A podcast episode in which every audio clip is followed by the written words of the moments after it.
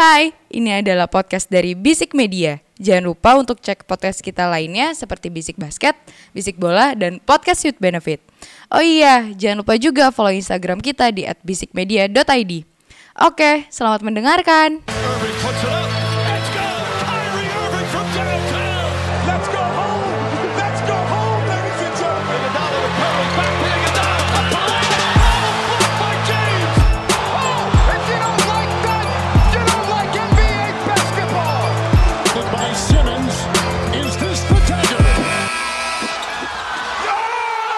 Another episode of Basic Basket Podcast putar basket NBA dan juga dalam negeri yang dibahas secara santai Sebagai pecandu basket Candu, candu, candu.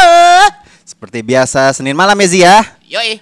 Bareng sama gue Dimas Yoda Eke Dimsu Dan udah ada Ranzi Alam Eke Duzi Peke Komeng Eke Remja Eke Jontor Jiger Jiger Jiger Boom, boom, boom.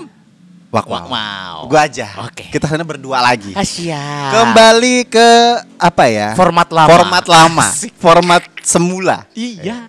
Tapi kayaknya kalau misalnya kita cuma berdua doang nih Hmm. Berarti ulasan kita harus lebih deep dong Yoi, jelas. Analisa kita harus lebih mendalam Pasti. lebih pakem Mm-mm. dan juga sesuka kita. tetap Subjektif, tetap sesuka subjektif. kita. Tidak boleh dilepaskan Iya. dari kita. Kalau misalnya mau yang fokus-fokus bisa ke yang lain, Mm-mm. ya kan? Ada yang lucu-lucu juga ada. Tapi kita ingin menggabungkan keduanya antara lucu, antara lucu, serius dan Mm. juga sesuka kita.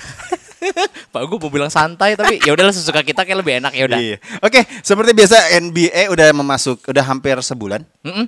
berjalan. Mm-mm. Ehm, beberapa tim udah bermain lebih dari 10 game. Nah, Yoi. kemarin di awal-awal musim sebelum bergulir gue udah bilang bahwa ini sampel size tiap tim ini nggak bisa cuma satu dua game. Mm, mm. Tapi semua performanya itu udah terlihat dari 10 game awal nih semuanya nih. Oke. Udah terlihat bahwa yang di awal-awalnya terlihat akan sangat menakutkan, ternyata Mm. bapuk. Iya. Ternyata gue bilangnya hanya akan menghiasi play-in turnamen, ternyata di peringkat satu. Yang digadang-gadang vintage ternyata rongsokan. yang digadang-gadang ternyata backcourtnya bagus sekali ternyata B aja banyak tapi itu semua kita bahasnya karena sampel size hanya sedikit hanya Yes. satu game dua game tapi dan terlepas juga kita di beberapa episode terakhir kita ngomongnya timur ya hmm, hmm. kita coba membahas ke tim wilayah barat aja kali ini untuk saat ini ya. Yoi, oke. walaupun ini di, review pertama gue Hmm. membahasnya juga sebenarnya ada tim wilayah timurnya juga sih Ya. tapi nggak apa-apa lah ya. Ah, pertama kita akan membahas Dallas Mavericks melawan Boston Celtics yang di mana Hmm? Dimenangkan oleh Dallas Mavericks ya cuman hanya satu setengah bola 107 104. Hmm. Ah, gue nggak akan ke Mavericksnya dulu, cuman gue melihatnya bahwa Celtics ini performanya nggak sesuai harapan. Iya. Karena kalau misalnya gue melihatnya si Dallas Mavericksnya itu kayak ya udahlah ya, ini kayak gue nggak mau harus banget sih ngomongnya kayak da, eh, hanya Luka Doncic dan empat batang kayu. Gak mungkin gue ngomong kayak gitu kan. Cuman kenyataannya Tapi di game kenyataannya ini udah ngomong itu. Porzingis 21 poin which is good. Ya. Ya kan, Mm-mm. ya gue berharap sih Doncic bakal bisa 20 points per game ya di Mm, musim ini ya, cuman who knows lah. Mm. Cuman di Boston Celtics ya sendiri, gue melihatnya, gue nggak biasa gitu melihat pemain dengan kaliber uh, di dalam timnya yang ada Jason Tatum dan juga Jalen Brown yang menurut gue udah di level All Star gitu. Mm, mm. Melihat terlihat ada di papan bawah. Menurut lu gimana? Apakah di game ini terlihat bahwa ya memang Boston Celtics itu memang ya ada masalah kah? Pasti ada sih menurut Hmm, gua. hmm. Karena gini, di game ini FYI Jalen Brown lagi nggak main. Ya. Dan gue melihat apa ya? Udah oke nih sebenarnya basically karena di saat Jason Tatum main dia juga bisa eh, apa ya? Bisa membawa sesuatu lah gitu loh. Dengan di game ini kelihatan banget dia eh, ya lumayan lah 32 poin which is beda satu poin doang sama Luka Doncic dan menurut gua benar-benar jadi kunci permainan. Ya. Tapi entah kenapa gue melihat kalau both mereka main bareng gitu loh, Hmm. seandainya ya, gue yakin game ini bakal jauh berbeda sih Ya. intinya gitu. Hmm, Dan hmm. gue pengen banget ngelihat mereka dua-duanya melakukan dominasi yang sama gitu loh. Maksudnya nggak biasanya kita lihat kayak Jalen Brown lagi naik, Jason Tatumnya turun, Jason Tatumnya naik, Brownnya turun. Ya. Dan menurut gue itu yang harus dibenerin lagi nih dari Boston Celtics. Juga eh gue cukup apa ya lega juga sih gue ini despite of dia yang dibilang tidak cocok untuk menjadi Laker Ya. dia seenggaknya di sini membuktikan bahwa dia tuh masih ada gitu loh. Hmm, hmm. Dengan 20 poin 4 rebound 6 assist menurut gua Dennis Schroeder ya bisa nunjukin bahwa dia Lakers tuh salah banget kema- nggak ngambil dia kemarin gitu sih. Nah, eh, untuk Dennis Schroeder kalau menurut gue ya ya ya nggak ya nggak apa-apa dia di sana aja. Kalau soal minta gajinya gede kan juga kita kan nggak tahu ekspektasinya seperti apa. Cuman gue melihatnya bahwa dari Boston Celtics gue melihatnya dari patternnya mereka dari beberapa game terakhir gue melihatnya bahwa tim ini tuh lagi ada masalah bukan hanya dari sisi satu pemainnya aja ya kayak Yes, misalnya Jason yes. Tatum yang nggak perform, gue perform perform aja Iya. di game ini 32 poin. Iya. Jalen Brown kalau nggak salah di awal di beberapa game pertama Sempat sempat 40 40 poin Yes. plus gitu loh. Mm. Menurut gue ini bukan salah dari si pemain tiap pemainnya, tapi dari chemistry dari si- dari tim ini Hmm. itu sendiri. Gue nggak tahu Brad Stevens lagi kenapa nih dengan tim ini. Jadi menurut gue kayak da- ada something wrong aja di dalam tim ini gitu. Terbukti juga nggak tahu ya ada Hal Horford juga yang kayak menurut gue seharusnya bisa eh, eh, Si eh, balik secara lagi. secara kedewasaan ya harusnya bisa ngelit ini sih. Hmm. Cuman gue gua nggak paham apakah kayak hanya di second unitnya juga nggak terlalu mendukung gitu loh. Kita hanya lihat Marcus Smart Marcus Smart lagi ataupun ya kayak ya gue nggak tahu sih ini apa yang lagi dihadapin sama Boston sih. Justru malah gue melihat eh, kunci masalahnya tuh di Marcus Smart sih. Kunci masalah. Kunci masalahnya justru di Marcus Smartnya karena Wait, maksudnya masalahnya di Marcus Smart atau maca- problem masalah solving dari masalahnya itu di Marcus Smart? ya intinya eh, both lah, both lah. Oke. Maksudnya masalahnya Jadi, iya, dari iya, iya, dia dan solusinya juga dari dia Oh, juga iya, gitu oke, menurut oke, gua. oke. Karena Marcus Smart ini dia inkonsisten banget sih, Hmm. parah. Di game ini cuma 6 poin, eh 7 poin, sorry. Hmm. Dan kita pasti mengharapkan lebih gitu Hmm. dari Marcus Smart yang mengisi posnya si Jalen Brown ini. Betul. Gitu dan gua gua nggak ngelihat apa ya Marcus Smart bisa ke arah sana. Gue yakin sebenarnya bisa. Cuman kok apa gua nggak ngerti apakah lu apakah lu skemanya berubah kah ataukah emang lu that typical type of player that uh, coming from the bench yang Ah, bagusnya ah. intinya gua nggak melihat uh, Marcus Smart ini bisa di starting tapi kayaknya kalau misalnya dia dari second unit gue yakin dia bisa lebih dari ini sih Ya, uh, gitu. ya gue berharapnya juga sebenarnya da, da- dari uh, materi pemainnya si Celtic sendiri menurut gue kayak nggak pantas deh mereka ada di papan bawah gitu loh Iya, untuk saat iya. ini. Jadi kayak menurut gue emang ya ada yang salah dari karena kalau kita lihat di beberapa media kayak di Ah. Bleacher kalau nggak salah Ah. ke- ngeliatin skema permainannya si Celtics tuh kayak Boring. lack of inkonsistensi ngerti gak sih? Iya, Inkonsisten banget gamer. Iya. Kayak kalau nggak salah mereka ngadepin kalau eh, kemarin tuh ngadepin Atlanta Hawks atau ngadepin Miami itu gue lupa. Hmm, hmm. Yang mereka sempat lead 7259. Oh ya ya ya ya ya. Itu gue lupa dia lawan siapa Iya, gitu. iya. Tapi akhirnya dibas kan 114 118 gitu. Gue Iya. lupa kayak. Berarti kan ini kan ada yang salah dari Hmm. skema permainannya ataupun dari mat, apa mentalitas ya, Yes, merekanya yes, gitu loh. yes. Bukan dari materi pemainnya dan apa pun skillnya mereka. Menurut gue sih itu sih masalahnya kayak ini yang harus menjadi PR besar si Brad Stevens yang gimana kalau lu pengen balik lagi ke playoff, lu peng lu nggak pengen di 4 kosongin lagi. Ya ya ya. Ya intinya harus improve. Tapi emang emang kalau secara materi pemain sebenarnya apa ya? Gue nggak mau bil, gue nggak mau mention mention tentang New York Knicks, tapi gue melihatnya kayaknya eh deja vu gitu loh ibaratnya. Materi pemainnya bagus, cuman mereka nggak punya mental aja. Iya. Ya Al Horford bisa apa sih? Iya, iya, iya, gitu loh. iya. Mak- Maksud gue Al Horford belum bisa nunjukin bahwa gue punya mental juara ah, gitu loh. ah, ah. Jason Tatum oke lah punya mental juara, tapi kalau misalnya eh, surroundingsnya dari second unit dan dari tim yang lainnya nggak ada, ya percuma gitu loh. Akhir-akhirnya ya balik lagi inkonsisten itu. Iya, eh gue nggak mau ngomongin New York Knicks dulu Iya, karena jangan, ab- jangan, jangan. tadi abis kalah lawan Cleveland. Oke. Ah, iya. Terus besok lah ngadepin tim-tim gede. Gue gua nggak mau ngomongin dulu. Ntar Oke. mungkin di minggu depan gue baru berani. Gue bisa lihat kalau misalnya bagus gue bisa naik naikin. kalau misalnya jelek gue tai taiin. Emang dasar, emang dasar. Suka tuh suka harus kita. kayak gitu, Suka-suka ya kan? kita. Subjektifnya Mm-mm. dari kita sendiri. Mm-mm. Tapi hari ini gue seneng jujur. Kenapa? Karena satu nggak ngebahas Lakers, Heeh. dua tidak ada tamu-tamu yang lagi pengen ke sini gitu loh. Biar kita tuh terlihatnya nggak ya ada Lakers lagi, Lakers lagi, Lakers lagi, lagi gitu kan. Apalagi Iya, kita iya, ngebahasnya iya. timur mulu kan. Betul. Oke, next ke ini juga ada di tim wilayah timur juga, tapi ini ibaratnya kita out of nowhere nggak tahu nih tim ini tiba-tiba ada di papan atas gitu loh. Yes. Yang lu selalu mention pemainnya nih, ya kan? PJ Hmm. Tucker yang selalu lu damba-dambakan, idolakan, ya kan? Jadi uh, Miami Heat melawan Utah Jazz yang di mana Mm. Utah Jazz juga nggak sepele ya. Ya, Ma- ya, mereka cuma selisih satu kemenangan doang sama Mm. Golden State di peringkat satu gitu loh. Mm. 118 115 yang di mana gue melihatnya ya oke lah Jimmy Butler on their All Star performance gitu. Loh. Bam Adebayo menurut gue juga bagus. Da- tapi Kyle Lowry dan Tyler Hero nih as a six man nih. Tyler Lu Hero. melihatnya Miami Oke, kita bahas Miami nih. Maksudnya Hmm. apa yang adjustment apa yang mereka lakukan gimana? Bisa Kan ngalahin Utah Jazz yang sesolid itu gitu loh.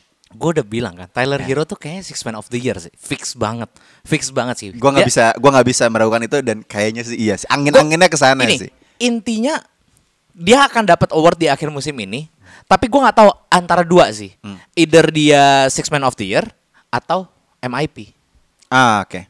tapi sebenarnya MIP masih ya kandidatnya kita masih lihat masih Banyak cukup banget, banyak ya cuman. Hmm, kalau six man of the year kayaknya terbuka lebar buat Tyler Hero gitu loh karena apa ya dia juga selalu bisa membawa suasana baru di Hmm. lapangan ibaratnya Duncan yang udah kalem ibaratnya maksudnya eh, kalau cold night gitu ibaratnya Hmm. terus nanti ada Tyler Hero bisa comes up with the deal Iya. dan apa ya gue melihat di sini ada peran penting dari Kyle Lowry juga sih Iya. karena dia bisa ngebawa Dan surprise ini Kyle Lowry juga ngebantu dalam mendulang poin ya. Yes. Terbukti dia triple Yes. double loh.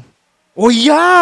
Wow. Oke. Ya gue baru gue baru gue baru baru nyadar t- dia triple double sih. Eh, yang gue lihat adalah gimana ya? Dia bisa ngebawa kepemimpinannya dia, Mhm. jiwa kepemimpinannya kayak gue ngeploting ngeploting ngeploting gitu loh Ah. ibaratnya. Ayo Bem lu sekarang lu yang poin, sekarang Eh. lu yang poin gitu loh. Gue ngeliat tenang banget, Ah. selalu kayak Lauri. Eh. Ya despite of Jimbut yang emang bener-bener selalu ya gitu ya, ya menjadi Ya. Jimbut gitu loh. Ya, ya. Cuman ditambah kayak Lauri ini entah kenapa bener-bener jadi wah udah udah makin perfect sih. Eh, hit. ya, ya. Dan gue baru sadar rekornya sama ternyata sama Utah sama Utah Jazz ya. Iya, sama. Sama-sama 7-2 Sama, sekarang iya. jadinya dan Ya. Wah gue nggak sabar sih. Gue nggak sabar ngeliat ngeliat game-game lainnya Iya. si Hit sih. Makanya ini seru banget maksudnya Miami Heat di peringkat satu dan Utah Jazz yang ada di peringkat dua ibarat dengan rekor kemenangan kalah dan kalahnya juga sama ya 7-2 ibaratnya berarti kan ini, ini tim itu sama-sama bagus gitu Iya, loh. iya. Dan menurut gue juga di game ini Utah Jazz juga nggak buruk-buruk amat. Iya, betul, Donovan betul, Mitchell 37 poin dan uh, ya Dan mungkin Rudy Gobert nih kali ya yang Iya. hanya 8 poin. But Michael ini 18 points but it's a good. itu juga yang gue pengen highlight ya. Maksudnya Bam Adebayo, Bam Adebayo ini bisa banget nge-lockdown si Rudy Gobert sih. Maksud gue ya secara size emang menurut gue kalah sih. Bam Adebayo kalah. Tapi seenggaknya Rudy Gobert cuman satu digit coy. Lu bisa shutdown dia banget gitu loh. Tapi ya emang ya emang emang gua akuin eh, secara tim playnya Utah Jazz emang kuatnya di backcourtnya ya, bukan Ya. di front courtnya. Front courtnya ya udah karena ada Rudy Gobert doang. Tapi ini bener-bener nge- apa ya?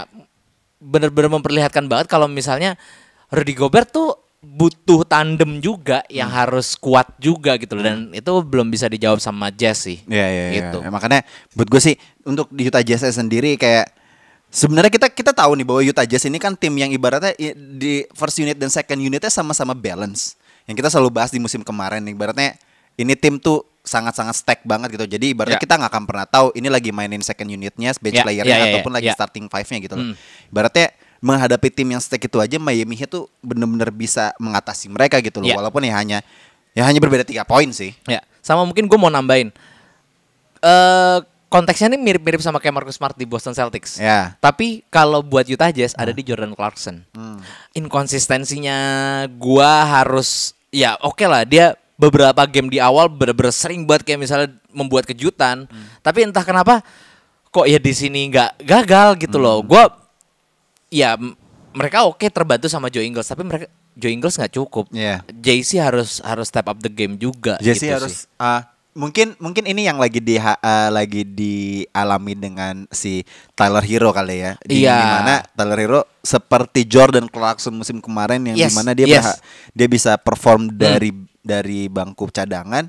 Dia ya ini JC malah kayak nggak bisa apa-apa di nggak bisa membantu lah dari Iya. second unitnya gitu loh. Ya ini sih kalau menurut gue yang yang lagi menjadi anomali sih. Tapi ada satu anomali lagi sih. Apa tuh? Kita tahu Utah Jazz itu shooter-shooternya si gila-gila semua kan. Yep.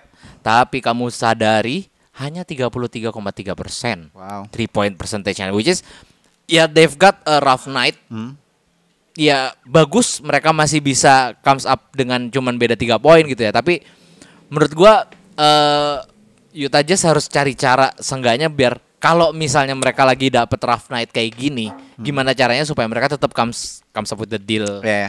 Gitu sih. Betul, betul. Dan juga mereka ada Hassan Whiteside dan Ingles yang di mana mereka nggak sepele juga Iya, gitu. iya, betul. Gue berharap Setuju. sih ya Hasan Hasan mungkin beberapa musim terakhir lagi it's a bad season buat dia. Hmm. Lagi-lagi terpuruk dalam karirnya mungkin buat gue sih harusnya sih karena menurut gue statistik yang kayak gini sih nggak Hasan Whiteside banget ya. Iya, iya. Ya, tapi banget. memang ya ya balik lagi yang tadi gue bilang kayaknya dia lagi menghadapi beberapa musim yang pelik buat gue sih. Kalau misalnya dia bisa comeback, menurut gue Utah Jazz akan punya dua center bagus banget sih. Iya. Mungkin Mungkin gue itu penting banget kalau misalnya mereka ntar balik ke playoff. kalau solusi untuk keduanya ya, kalau dari Utah Jazz ya mereka harus mencari eh, cara kalau misalnya they, they've got a rough night from shooting. Eh, kalau dari Miami Heat, they need to limit their turnover sih. Yep. Turnovernya agak banyak banget dan menurut gua ya lu udah punya Lauri, lu udah punya Jimbut, ya cobalah di lebih dimaksimalkan dan menurut gua Lauri juga salah satu pemain yang minim turnover ya Yep. dan ibaratnya mungkin ibaratnya eh kalau Chris Paul itu point guard, dia tuh malaikatnya gitu kasarnya. Jadi ibaratnya bukan bukan KW-nya juga Iya, maksudnya iya. sebenarnya ya Level level bawahnya lah, iya, tier 2 lah. Tier 2-nya gitu. Hmm, Oke, uh, let's talk about anomaly di mana gue tadi udah bilang bahwa sebenarnya Miami Heat kok gue tadi pagi ngeliat kayaknya Miami peringkat satu nih ternyata Sixers sudah satu game lebih banyak daripada Heat yang di mana dia jadi 8-2 nih Sixers nih. Anjing. Tapi gue nggak mau ngomongin Sixers ya. Tapi Hmm, gue hmm. pengen sebenarnya tadi gue pengen ngomongin anomalinya dari Miami Heat sendiri yang ada di peringkat satu yang Hmm. kita nggak menduga mereka akan ada bercokol di papan atas. Hmm. Gue malah mikirnya bahwa Miami Heat tuh bakal ya udahlah, lu akan kembali ke 45 lagi. Iya. Lu akan ya mungkin agak sulit kalau melihat ke kayak 2020 lu akan kembali ke NBA Finals ya. Itu terlalu jauh kalau menurut gue sih.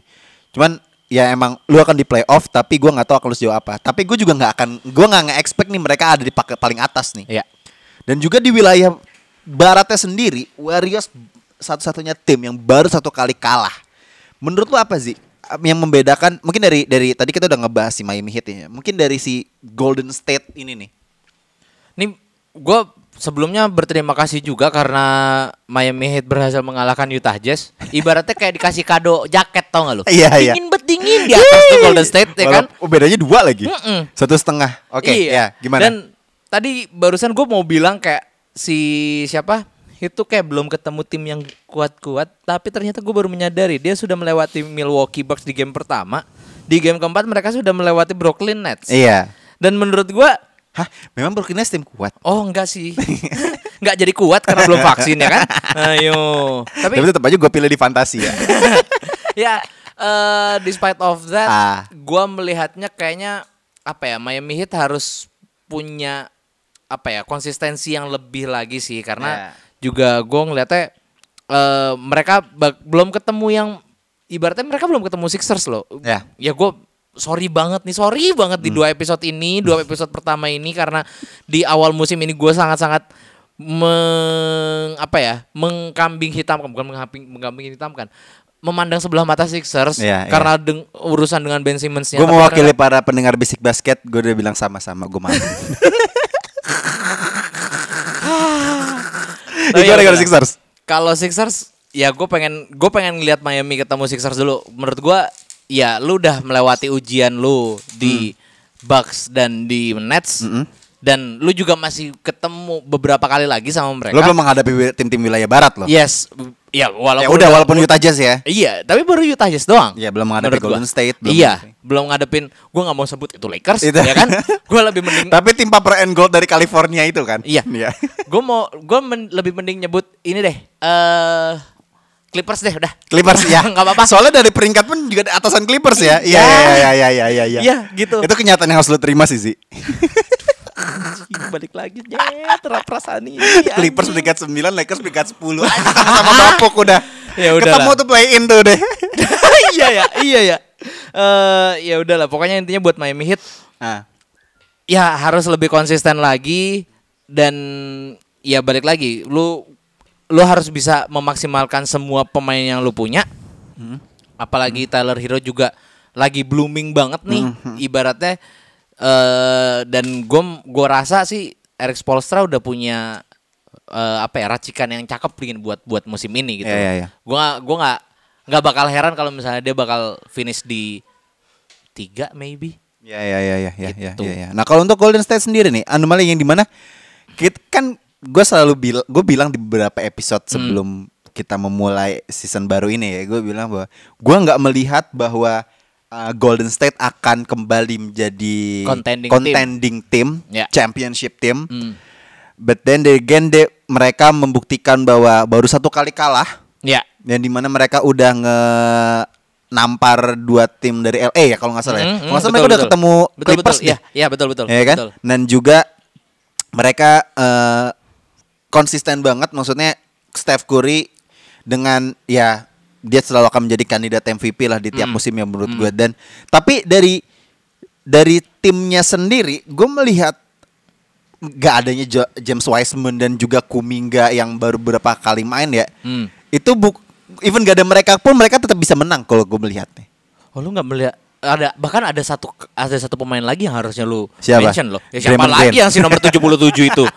Siapa? Pemain nomor ke-77 di top 75.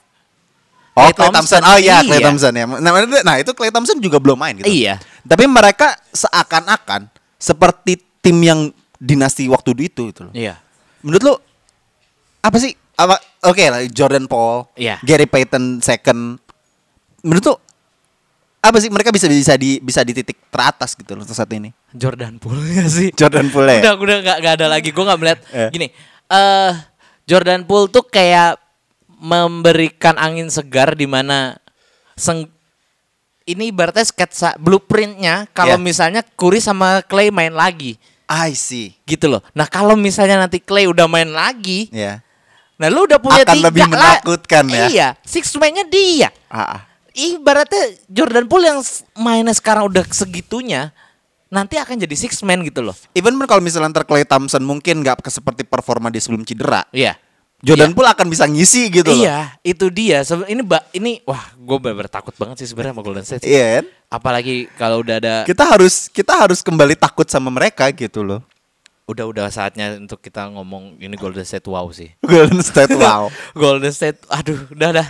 Oke, titelnya itu kan Golden State wow kan? Iya iya, iya. Oke oke oke oke fix. oke, oke, Fix, Golden fix. State wow. Balik lagi format lama. Format ya lama. kan? fix lah. Ah. kita muter-muter di situ. nah, tapi ini loh maksud gue kayak Mm. Golden State ini apa ya? Karena gue kenapa skeptis sama mereka karena kita melihatnya di kalau nggak salah season musim kemarin kita ngelihatnya bahwa ya ini berat banget buat Steph. Yes, Curry gitu yes, untuk yes, nge- yes. ngedopang tim ini gitu. Apalagi perubahan dari line up juga kayaknya agak agak banyak. Maksudnya Iya. ya, dari dari zaman dinasti ya. Iya, Maksudnya seka- iya. sekarang udah wah udah bisa dibilang muter rosternya berapa banyak Iya. itu. Mungkin kalau dulu gue melihatnya bahwa Steph eh, bukan so, bukan Steph eh, bukan Curry-nya sih, Hmm. tapi Steph Curry lagi mencari kayak ini blueprintnya dari dinasti udah bergeser walaupun core masih ada Hmm. kayak masih ada Draymond Green dan juga Steph Curry kayak tapi yang support di sisinya mereka ini kayak belum nemu aja kalau di musim Iya, kemarin. iya. Dan musim sekarang kayaknya Steph Curry udah tahu nih di Jordan Poole seperti apa mainnya Iya, Gary Payton iya. dua. Gue lagi asing ngeliatin Gary Payton second sih kayaknya keren banget itu orang ya. Sama mungkin satu lagi kuncinya kali Apa? ya. Bielitsa sih. Anjing banget tuh orang. Selalu ada kulit putih center di dalam Golden State. Iya. Tapi gua apa ya? Tapi dia- kamu mencoret Joseph Pachulia ya, itu Iya. yeah. buat gue. itu enggak itu emang dirty works aja dia udah. gua enggak enggak mau lah, gua enggak enggak respect sama dia. Even dia. kita ngomongnya Golden State wow, Iya. tapi enggak cancel cancel cancel. Zaza cancel. nggak jadi. Zaza kecuali Pachulia, nggak. Kecuali cancel, Zaza. cancel, Uh-uh. cancel, cancel. Kita Gini. Andrew Bogut masih respect, David Iya. Lee masih respect, sekarang David Sam masih respect, Zaza Pachulia enggak. Tapi ya gue melihatnya gini, eh mereka tuh selalu di dinasti itu ya, zaman itu ya. Mereka punya eh, satu pemain besar, entah entah empat entah lima yang bisa three point juga. Dan itu ada di Bielitsa. Dulu Iya. ada di Marcus Pates, Ya, ya kan? Sekarang ada di Bielitsa dan Spades nggak kulit putih sih. Iya, bukan masalah kulit putihnya Iya. bangke. Oh main 445 Skill Sorry sorry, setnya, gue ngomong Gue masih kepikiran orang kulit Sorry sorry. Lanjut lanjut lanjut lanjut Iya. ya, ya Spades Oke Iya, dulu ada di Spades Mau dan Spades, iya. menurut gua eh ya ini udah mulai kelihatan lagi gitu loh bahwa ya mindset mereka adalah tiga lebih dari dua walaupun cara main mereka tidak hanya fokus di tiga doang gitu loh. Dan apa ya? ini nanti bakal lebih bahaya lagi kalau misalnya udah ada Kuminga, udah ada James Wiseman yang menurut gue mereka bakal lebih eksplosif di bawah gitu loh. Iya. Dan nanti Clay Thompson udah balik lagi. Lu ibaratnya dari ring sendiri juga bisa masukin bola nyet Iya. gitu. Kalau menurut gua ya gimana ya dengan baliknya nanti kalau misalnya James Wiseman dan Kuminga udah nyetel banget ya. Hmm, hmm. Karena menurut gua gua ngeliatnya sih Kuminga udah ya ya it's a rookie. Hmm. He's a rookie menurut gua kayak ya butuh butuh waktu lah untuk dia beradaptasi. Tapi buat gua pemain-pemain yang ada di bawah naungannya Steve Kerr tuh buat beradaptasi tuh tinggal nyari Steve Kerr nih nempatin nih pemain sebagai apa, Ya, itu ya. akan klop menurut gua. Terbukti Tapi- kayak Jordan Paul ya kan. Tapi gue masih belum melihat eh apa ya? Gue belum pernah melihat Steve Kerr tuh berhasil nge-build pemain bawah. Ya. Itu. Nah, itu yang menjadi jadi concern masalah. juga nantinya sih pasti. Karena ini dua pemain yang lagi disiapkan ini Hmm. itu ya ibaratnya butuh arahan banget nih di bawah Iya. nih. Dan sedangkan ya oke kita tahu mereka eksplosif cuman track recordnya Steve Kerr kursi kalau Iya, di bawah gitu iya. sih. Tapi gue gue agak sedikit bisa mengesampingkan mindset gue itu Hmm. karena gue pernah bilang kan ibaratnya dia nggak dia bukan leader di three point eh, field goal, three point attempt juga Golden State udah bukan leadernya di situ. Iya.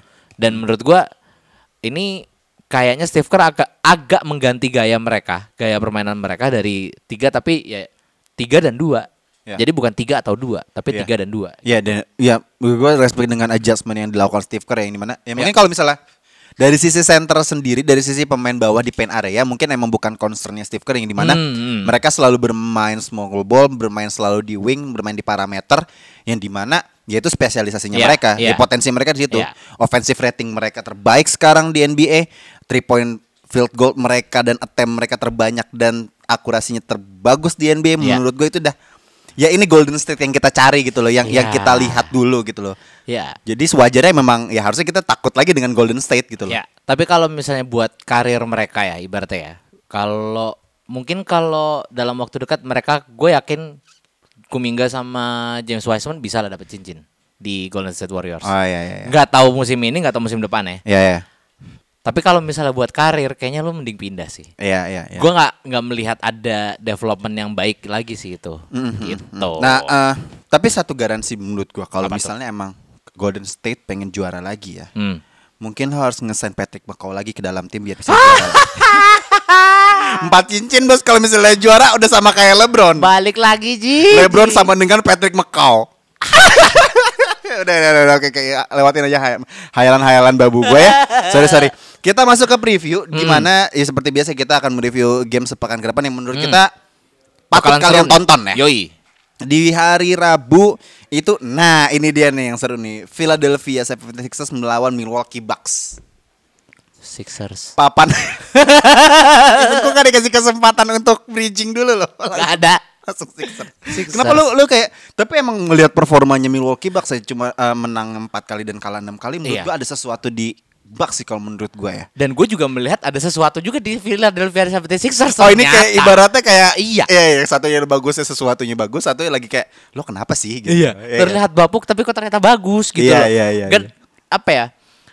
Gue nggak melihat ada klasik Philly lagi gitu loh. Ya terbukti dia di, di lagi pakai jaket gitu loh Iya. di, di di apa konferensinya dia. Iya. Nggak tahu ya, mungkin championship hangover yang lu bilang ini agak telat datangnya ke Iya, iya. Milwaukee Bucks. ya. Heeh, heeh. Iya, iya, iya. Heeh, Dan gue melihatnya juga mereka belum apa yang lagi nggak nyatu lagi gitu loh. Maksudnya kayak pengen ngeluarin egonya masing-masing. Gue ngeliatnya sih gitu ya. Ini ini ini yang terlihat waktu mereka yang gue lihat ya. Hmm. Ini sea- seakan seperti Milwaukee Bucks seperti waktu di bubble yang di mana mungkin Ah, Yanis ya Yanis dengan urusannya sendiri ya udah Middleton ya udah ini gue yang nolongin tim nih gitu. Iya, iya, Gue melihatnya iya, gitu iya, ya. Cuman iya. kayak ya dan again kalau buat gue sih ya Yanis ya dia bermain dengan seperti polanya dia gitu loh. Iya. Cuman dari sisi dari timnya sendiri gue nggak tahu padahal emang gak terlalu banyak perubahan dari championshipnya timnya gitu loh Iya. cuman kayak ada something wrong yang di mana Budenholzer nih kayak mungkin em hangovernya kali ya but I don't know kayak banyak yang harus dikembalikan lagi sih untuk Milwaukee Bucks sih dan ini tapi untuk Sixers sendiri apa lu melihatnya kayak mungkin si Embiid nyaman lebih nyaman main sendiri kan lu lu lu nggak mungkin nggak meragukan itu dong. Iya. Ya mainnya nyaman banget gitu loh dia sendiri. Iya sih, tapi maksudnya ya ya gimana? Iya kan kayak iya. kalau di di beberapa game kemarin kayak Hello bro, gua gua adalah leader tim ini. Lu mau apa? Lu mau apa? Lu mau apa gitu. Even Tobias pun nggak bisa ngapa-ngapain. Ya udah gua bantuin lo aja, gua bantuin lo Emang, aja. lu tau gak ibaratnya eh, kata-kata dia yang pas eh, opening game tuh Apa? itu tuh basa-basi doang tau gak lo Iya. yang dia bilang he's still our brother salah bacot Iya, emang, tapi tapi kan dia bilang, tapi gue sini buat main sih bukan babysitting someone gitu kan. Iya. Kalau misalnya ada kata-kata nih buat kalian menabung bisik basket ya. Kalau misalnya lu satu kalimat utuh, Hmm. ada tapinya, kalimat pertama tuh lu buang. Kalimat setelah tapi itu yang paling bener, ya kan? iya iya iya Iya kan? Kalimat Jadi tuh kayak agak jadi sampah, Iya, berarti lu? emang bukan brothernya aja. iya emang udah udahlah udahlah udahlah menurut gua udah better nggak ada six nggak ada Simmons ya Iya, iya, tapi emang gue melihatnya sih overall ya dari diri itu sendiri emang Embiid tuh lebih lebih fluid, lebih nyaman. Dia ibaratnya kayak ya udah, gue yang mimpin tim ini, gue bisa mendulang poin, gue bisa uh, sebagai rim protector yang baik, gue bisa tembak tiga juga, gue bisa main bully ball, gue lebih bebas gitu. loh. Jadi ibaratnya si uh, Doc Rivers pun juga ya udah ting- menem- tinggal lakukan adjustment Iya. di sekitarnya Embiid tinggal aja gitu. tinggal enaknya aja nah kalau tapi kalau misalnya gue melihat dari yang Bucksnya ya dari sisi Bucksnya entah ini eh gue masih jarang lihat Bucks sih hari, belakangan ini gue lebih ngeliat yang tim si vintage tapi rongsok itu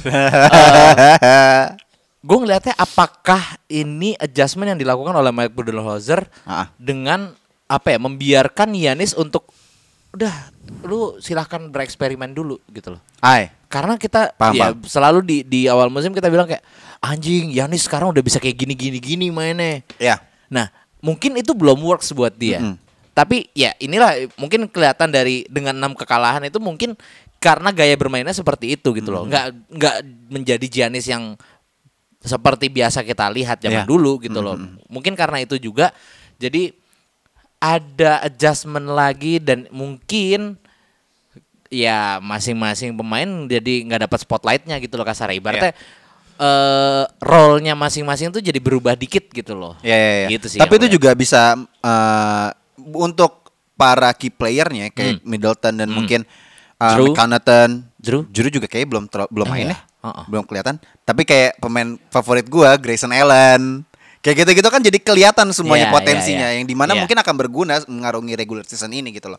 Tapi untuk ya, Giannis sendiri yang tadi argumen lu bahwa gue setuju sih kayak lu harus mencari gaya bermain lu yang nggak boleh monoton. Hmm, hmm, hmm. Gaya bermain lu yang kalau misalnya coast to coast bully ball itu Ya. udah sangat lu banget, Ya. lu akan ya itu senjata lu gitu loh. Hmm. Tapi lu harus mencari senjata lu yang lain gitu loh. Ya. Makanya dia lebih sering nembak tiga kan atau bermain medium. Itu menurut gua kayak senjata-senjatanya Giannis yang dia lagi persiapkan. Kalau Ya. menurut gua itu aja sih. Mungkin dia lagi belajar eh, yang harus dipelajari oleh Yanis adalah when to shoot, when to drive, when to do the Ah, coast to coast gitu loh. Ha, Iya, maksudnya lu harus tahu kapan gua gini, kapan gua gitu. Yap, yap. Itu sih kayaknya masih agak-agak ya sedikit-sedikit Ba- kurang. Iya gitu. dia akan improve lah kalau menurut Hmm, gue ya. hmm, Mungkin pasti, dia kalau kalau dia bukan MVP. Oke, Hmm. eh, di hari Kamis timnya Ramzi Los Angeles Lakers melawan Miami. Miami. Oke, cukup Miami. Kita Udah, lanjut aja ke game terakhir. Karena gini, gini, dengan kekalahan lagi-lagi kalian dengan OKC yang Hmm. tim yang baby OKC lah kita bilang ya kan. Masih zigot kan? Masih zigot, oke ya, yang lah, paling udah jadi yang paling udah jadi baby dong paling SGA, Iya. Lu Dort, Po- Oh, tapi- Pokusevski. Itu kan pemain-pemain yang masih ijo banget gitu loh. Iya. Dan lu leading di halftime, kemudian lu kalah di full time itu ibaratnya kayak ada yang salah dari lu gitu loh. Gue selalu bilang mereka selalu habis Oke, di sorry. quarter 4. Terlepas dari nggak adanya LeBron ya. Kalau nggak Iya. game ini LeBron nggak main. LeBron gak main, LeBron gak main. Iya. Ya kalau gue sih emang SGA ini mentalnya gila juga sih Iya. nih. Diem-diem bahaya bahaya Makanya banget gue ambil di udah. fantasi gue kan. Iya. Cing. Lu ngambil apa LeBron, Edi, Ah, satu gua- tim. Oh, itu yang itu Yang yang kemarin, yang iya, iya, 2.0, iya. Iya, yang iya, 3.0 gue ngambilnya siapa lupa gue. Ya. Eh gimana ya? Gue ngeliatnya SJ ini mentalnya juga udah bagus dan gue kaget banget sih dia berani from the logo itu wah kacau itu Ya. bener-bener dan momen itu yang ngebuat dar abis hilang hilang semua Mm. Clutch ya. musnah semua iya dan eh, kalau misalnya dari Lakers melawan Heat sendiri gue nggak melihat Lakers punya chance sih ada sih chance nya dikit tapi karena tempnya Miami lagi bagus banget nih ditambah juga kayaknya udah nyetel banget dan juga Miami Heat punya bantuan dari second unit gitu. Oke, mungkin memang eh, Lakers punya bantuan dari second unit yaitu Melo. Tapi Melo doang. Melo atau Malik Monk. ya. Iya. Udah itu doang, nggak ada lagi yang lain gitu Iya, loh. heeh. Itu menurut gua eh aduh nggak tahu deh. Dan dari dari cara permainan juga gua nggak melihat Bam Adebayo ya mungkin match up-nya sama AD. Tyler Hero mungkin di match up-in sama eh siapa duanya sekarang Lakers. Ya bisa sebenarnya bisa Malik Monk balik lagi Heeh. atau gua nggak gua gua juga udah nggak ngikut terlalu ngikutin Lakers kayak mungkin Avery Hmm. Bradley juga cuma di awal-awal doang. Tapi mostly sih lebih ke Malik Monk sih udah bermain dua sih. Ya, oke lah. Tapi nggak nggak sih nggak sih. Ibaratnya gue ngeliat gue ngeliat dari eh line up apa dari match up-nya juga kayaknya Hmm. jauh ke hit sih. Maksudnya apalagi mentalnya mereka lagi bagus banget. Terus juga ibaratnya gue yakin pasti mereka masih punya dendam sih. Jimbo tuh pasti masih menyimpan dendam gara-gara dia kalah di bubble itu sih. Iya iya. Dan ini di- mereka udah ditambah Kyle Lowry juga udah. Mereka lagi lagi di performa terbaiknya mereka Iya, kali ya. iya, betul. Tapi kalau buat gua Lakers ya dan again gini, gue melihatnya kayak patternnya ya LeBron emang eh so called load management ya Ah, ah, ah. terlihat seperti itu. Tapi gue nggak bisa bilang bahwa alasannya nggak adanya LeBron lu harus kalah. Iya, Lu punya iya. Russell Westbrook dan AD menurut gua Itu. it's more than enough untuk lu bisa Iya. berkompet. Berarti lawan Houston Iya. lu bisa stra- lu struggling.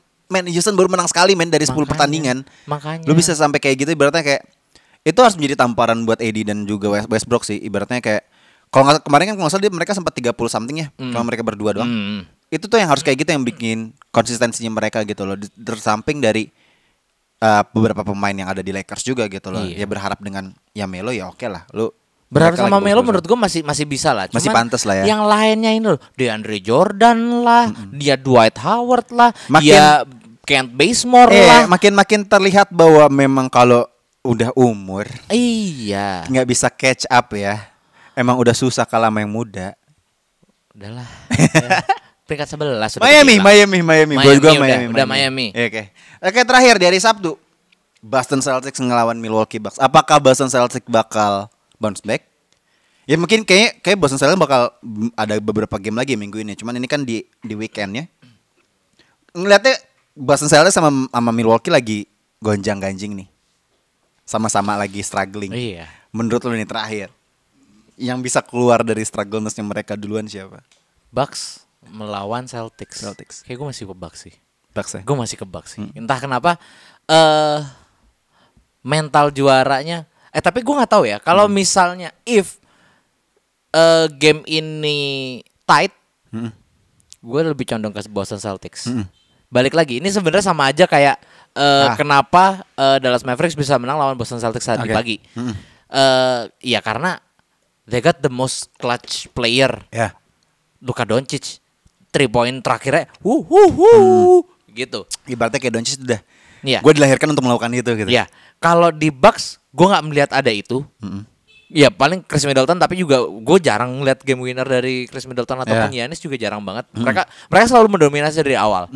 Kalau Iya, benar, benar. Kalau misalnya Boston Celt apa kalau Celtics tuh masih bisa tipis-tipis terus akhirnya bikin nyelekit gitu loh. Iya, iya, gitu. iya, iya, iya. Eh kalau misalnya tight gue ke Boston Celtics kalau misalnya overall kayaknya Bucks sih. Oke. Tapi Oke oke oke. Ini dari gue terakhir ya dari Ah, gue. Iya, iya, iya. Gue akan milih Milwaukee Bucks Karena karena Heeh. sebelumnya ketemu Knicks dulu. Jadi kalau misalnya Bucks menang lawan Knicks, dia akan menang lawan Boston. Udah intinya itu aja, ya. Oke, sekian dari episode ke 80 something ini. Kita sudahi. Bye. Bye bye.